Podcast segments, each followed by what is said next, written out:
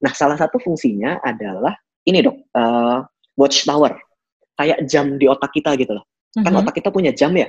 Ha-ha. Nah, ketika trauma itu inflicting, jam di otak kita tuh rusak. Kita nggak bisa bedain 10 tahun lalu dan baru saja terjadi. Trauma hmm. itu rasanya baru saja terjadi, bukan kejadian yang kita kisahkan. Sehingga okay. menceritakan ulang, itu kan kita berasumsi, kita recall. Kita nggak lagi recalling memory, kita reliving the pain. Hidup oh. lagi rasa sakitnya. Seakan baru saja terjadi, makanya memorinya vivid sekali.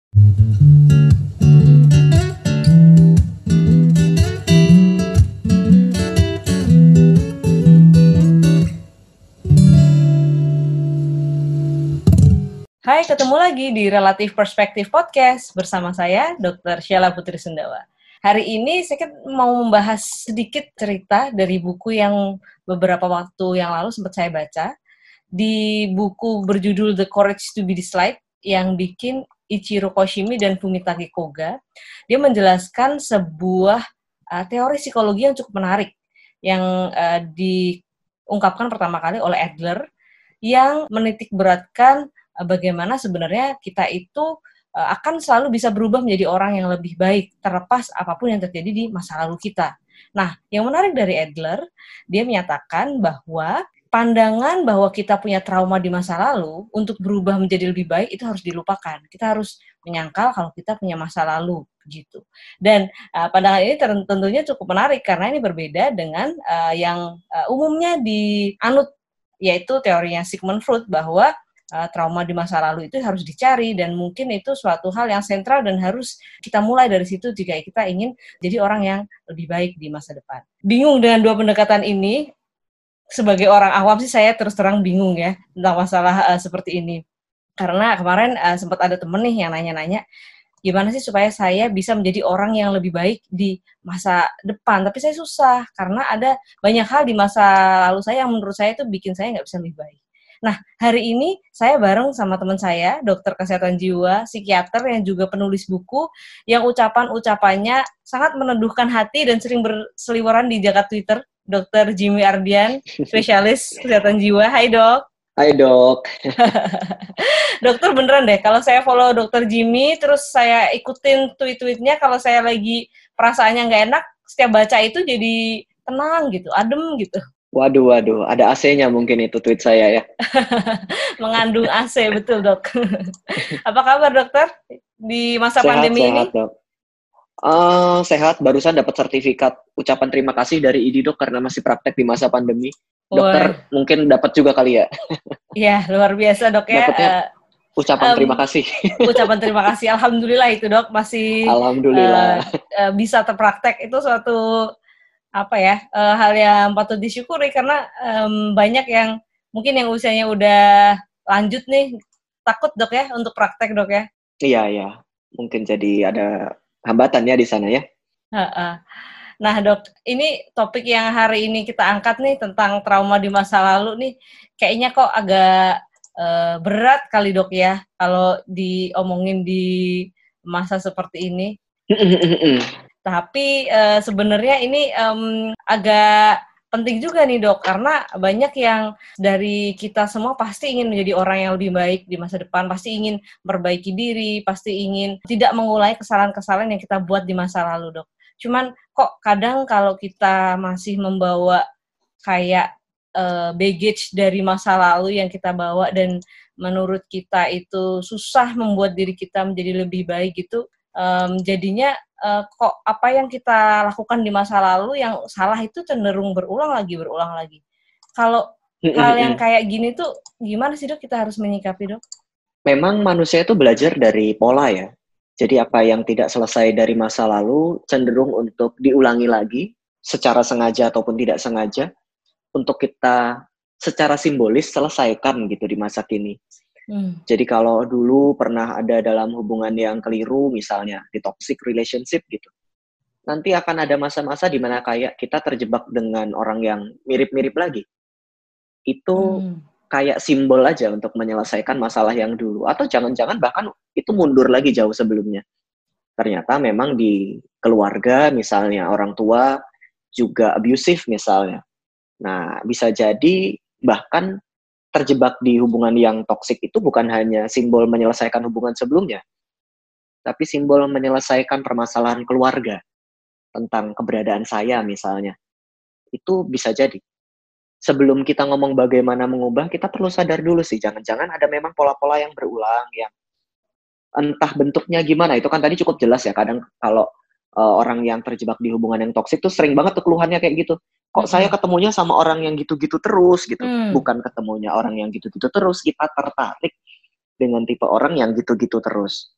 Ah. Sebagai simbol aja, simbol untuk saya pengen nyelesain uh, konflik saya nih yang saya bawa-bawa dari masa lalu nih tapi dia nggak sadar aja gitu itu itu baru hubungan belum lagi soal karir belum lagi soal uh, uh, kalau relationship itu hubungan ya belum mm -hmm. lagi soal kehidupan yang lain gitu mm -hmm.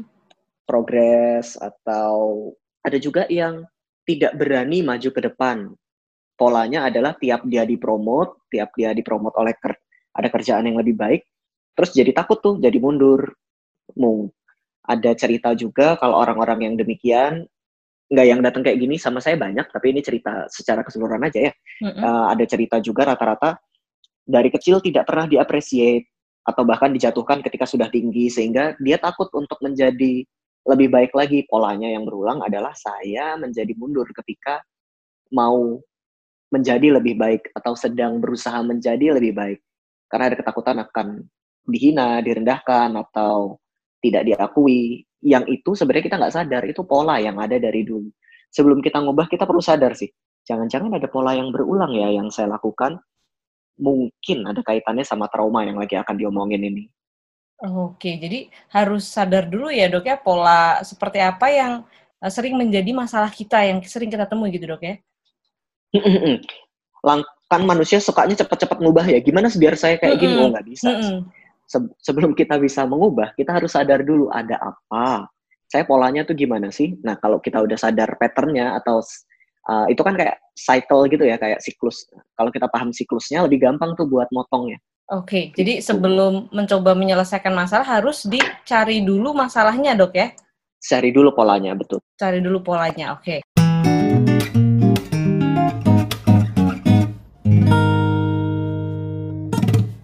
Ini uh, menarik dok yang tentang bagaimana kita bisa tadi memperbaiki diri, kemudian dengan trauma yang terjadi di masa lalu, seperti apa kita harus memandangnya. Itu kan ada sebenarnya ada kalau yang saya baca baca baca ada beberapa pendekatan ya dok ya. Ada pendekatan yang dia bilang gimana kalau uh, trauma itu uh, kita sangkal aja. Jadi mungkin itu terjadi, tapi uh, trauma itu tidak menentukan dan tidak mendefinisikan diri kita hari ini. Jadi mungkin itu adalah suatu hal yang terjadi di masa lalu, tapi ya udah itu udah terjadi. Hari ini kita adalah orang yang lain lagi gitu. Itu ada satu pandangan kayak gitu dok. Nah dan pandangan yang lain bahwa kita harus cari tahu dulu uh, apa masalahnya di masa lalu, kita benerin yang di masa lalu, baru kita bisa menjadi diri kita yang lebih baik di masa yang sekarang. Kalau uh, sebenarnya yang lebih sederhana sendiri nih dok, oh, sebagai masyarakat awam. Jadi kita seperti apa sih dok harus menyikapi uh, dan bagaimana kita harus ikut supaya kita tidak terjebak dalam pola-pola yang sama tadi dok.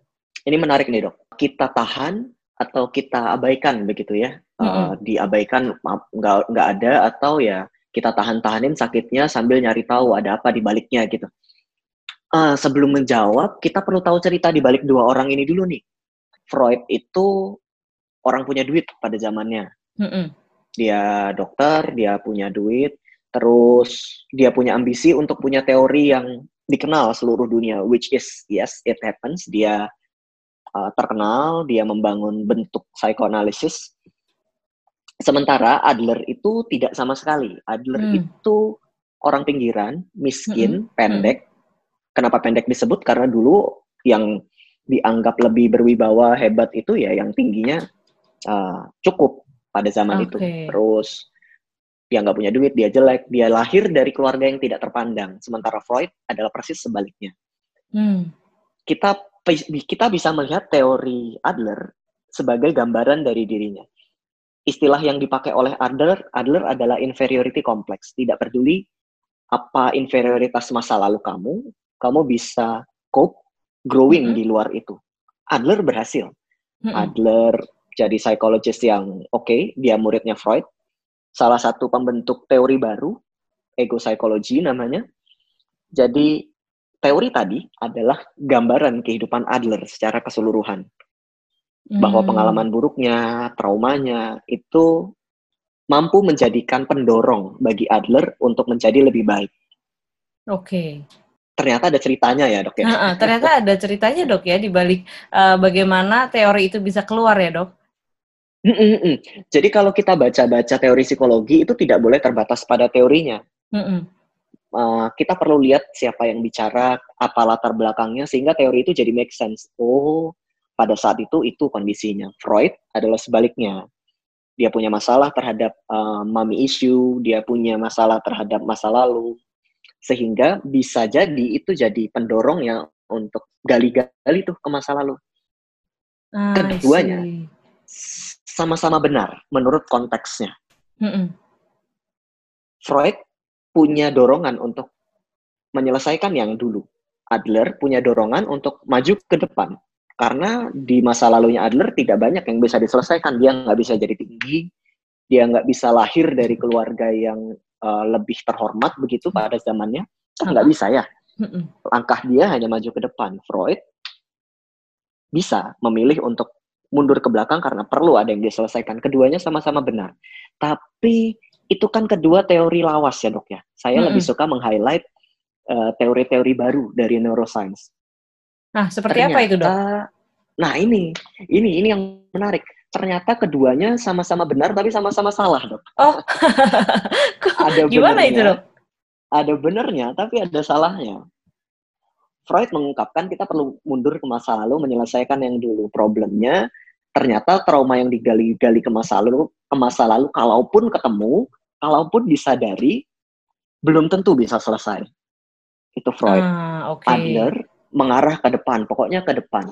Mm-mm. Iya, itu bekerja bagi beberapa orang, tapi sering kali kalau kita nggak sadar apa yang mendahuluinya, bagaimana proses itu, bagaimana siklus itu muncul, kita akan terjebak pada siklus yang sama. Benar, Bener. benar, tapi Setuju. dua-dua dua-duanya benar, tapi dua-duanya ada salahnya. Dari pendekatan neuroscience, uh, waktu itu penelitian pada zaman itu dok, uh, WTC yang ditabrak itu apa sih? Ha, ha, ha. 9/11. Ah, ah, 9-11 itu. ya. ha.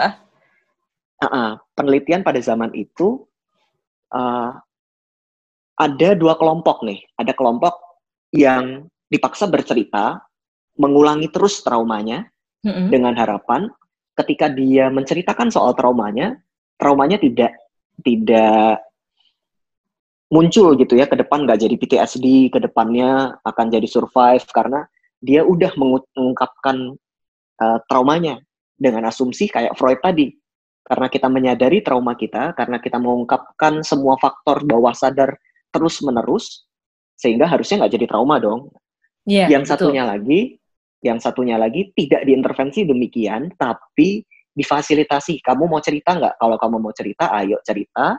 Tapi bagi yang nggak mau cerita, boleh untuk tidak bercerita. Udah, kelompoknya cuma dua kayak gitu. Ah, Diikuti 10 tahun kemudian. Menariknya ini dong, menariknya ini. Pada kelompok yang kedua, angka traumanya tidak sebesar kelompok yang pertama.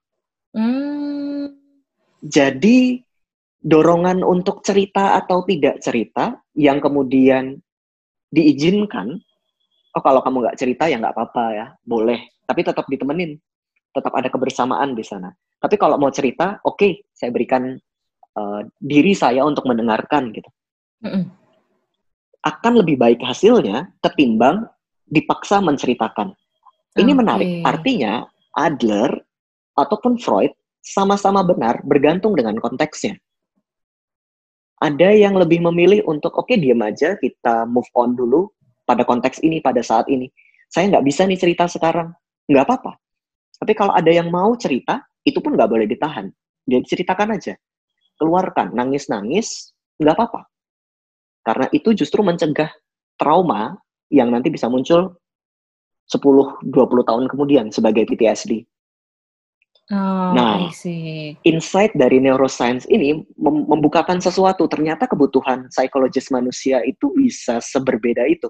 Kita nggak bisa menyamaratakan, oh yang ini trauma tuh harusnya bicara, atau trauma itu harusnya lupain aja traumanya. Maju Mm-mm. terus, oh nggak bisa, nggak bisa. Hmm, keduanya benar, tapi keduanya juga salah, bergantung dengan konteksnya.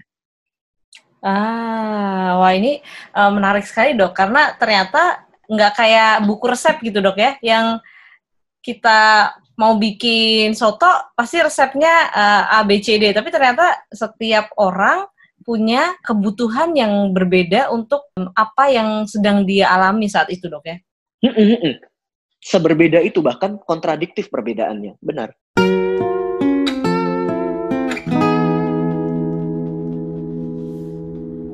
Nah, kalau misalnya dok, apabila kita dihadapkan suatu hal um, seperti itu, mungkin sesuatu yang kita anggap, oh mungkin saya bisa nih, kayaknya masih bisa coba tangani sendiri, um, seperti itu dok. Nah, uh, gimana kita bisa uh, tahu kira-kira saya butuhnya cerita atau saya butuhnya um, diem aja gitu dok? Taunya gimana dok, uh, kalau hmm. dari diri kita sendiri? Nah itu dok, karena ini di penelitian, jadi peneliti membantu orang mengidentifikasi ya dia butuh dia pengen cerita atau enggak. Kalau di budaya kita kan semua orang jadinya nggak pengen cerita. Bukan hmm. karena nggak mau cerita, tapi karena kebudayaan yang menahan. Nah itu yang menjadi penghambat. Kita bukan nggak butuh cerita, kita tahu kita pengen cerita, tapi kebudayaan bilang eh, laki-laki kok nangis, laki-laki kok cengeng atau udah deh jangan drama gitu buat yang perempuan misalnya. Ha-ha. Kita menjadi terhambat untuk menceritakan trauma padahal kita merasa sedang butuh untuk bercerita. Nah, itu masalah.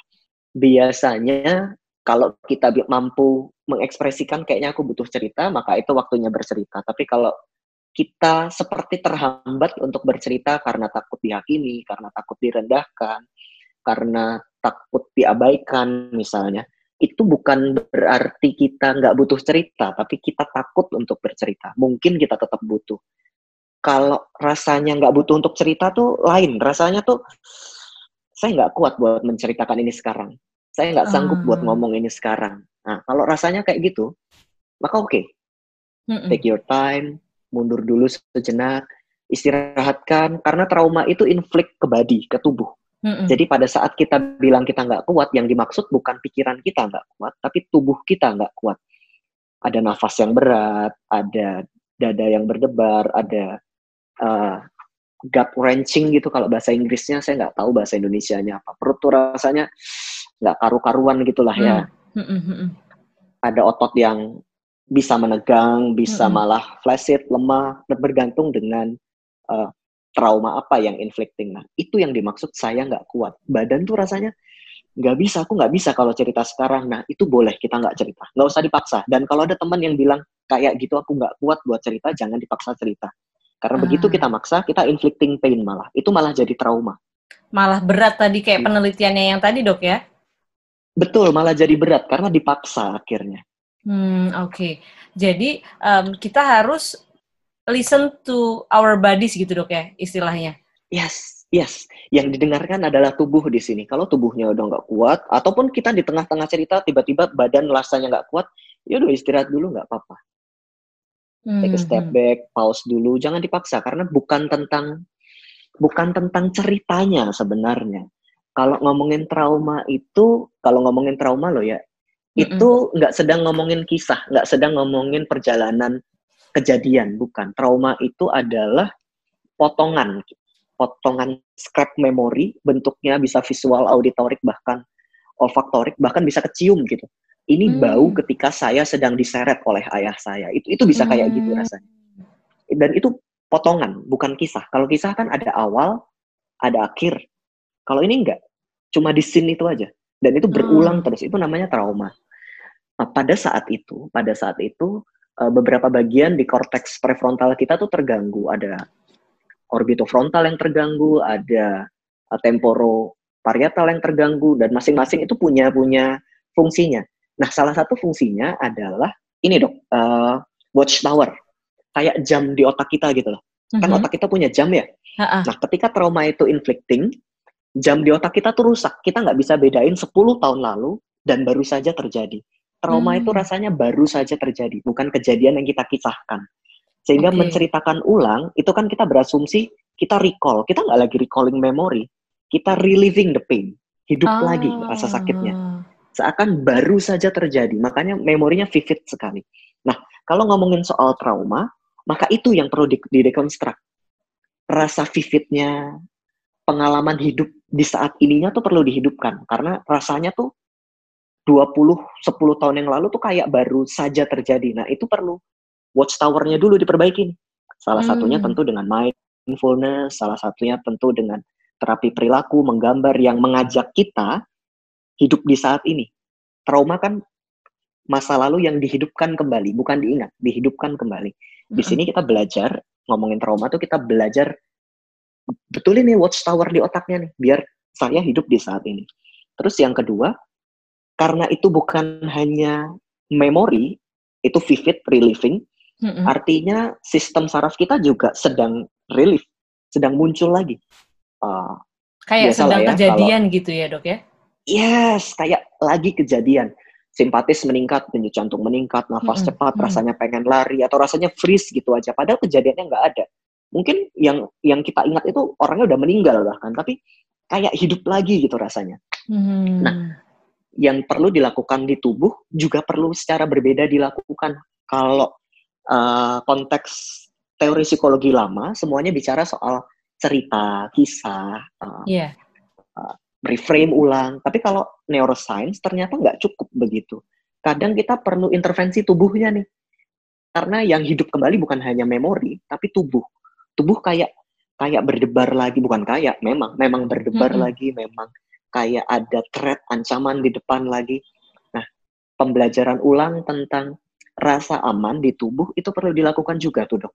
Ma kalau istilahnya, aduh saya lupa penulisnya siapa, mohon maaf ya uh, ada satu buku tapi saya lupa mm-hmm. penulisnya mm-hmm. itu menuliskan kita perlu uh, tolerate the pain kita perlu menoleransi rasa sakit akibat trauma di tubuh ah. dalam prosesnya karena yang kadang yang bikin sakit tuh bukan memorinya tapi perasaan di badannya berdebarnya nafas sesaknya nah itu yang ditoleransi dengan teknik-teknik tertentu oh, gitu nggak nggak okay. cuma tentang kisahnya jadi um, ada teknik juga supaya kita bisa menenangkan tubuh kita ketika kita relieving the memory tadi Duk ya? Yes, ada teknik-teknik, ada tools-tools yang perlu kita latihkan untuk menenangkan tubuh, bukan cuma pikiran. Ketika kita relieving the memory. Jangan lupa, kalau kalian suka dengan episode podcast ini, follow podcast kita dan share ke teman-teman kalian yang lain supaya mereka juga bisa mendapatkan manfaat seperti yang kalian juga dapatkan. Jangan lupa juga untuk follow Twitter saya @oxfara. Di situ kalian bisa mendapatkan banyak info kesehatan dan juga update setiap episode barunya Relatif Perspektif Podcast. Di Instagram kita juga ada di relatif.perspektif. Sampai ketemu di episode selanjutnya. Bye!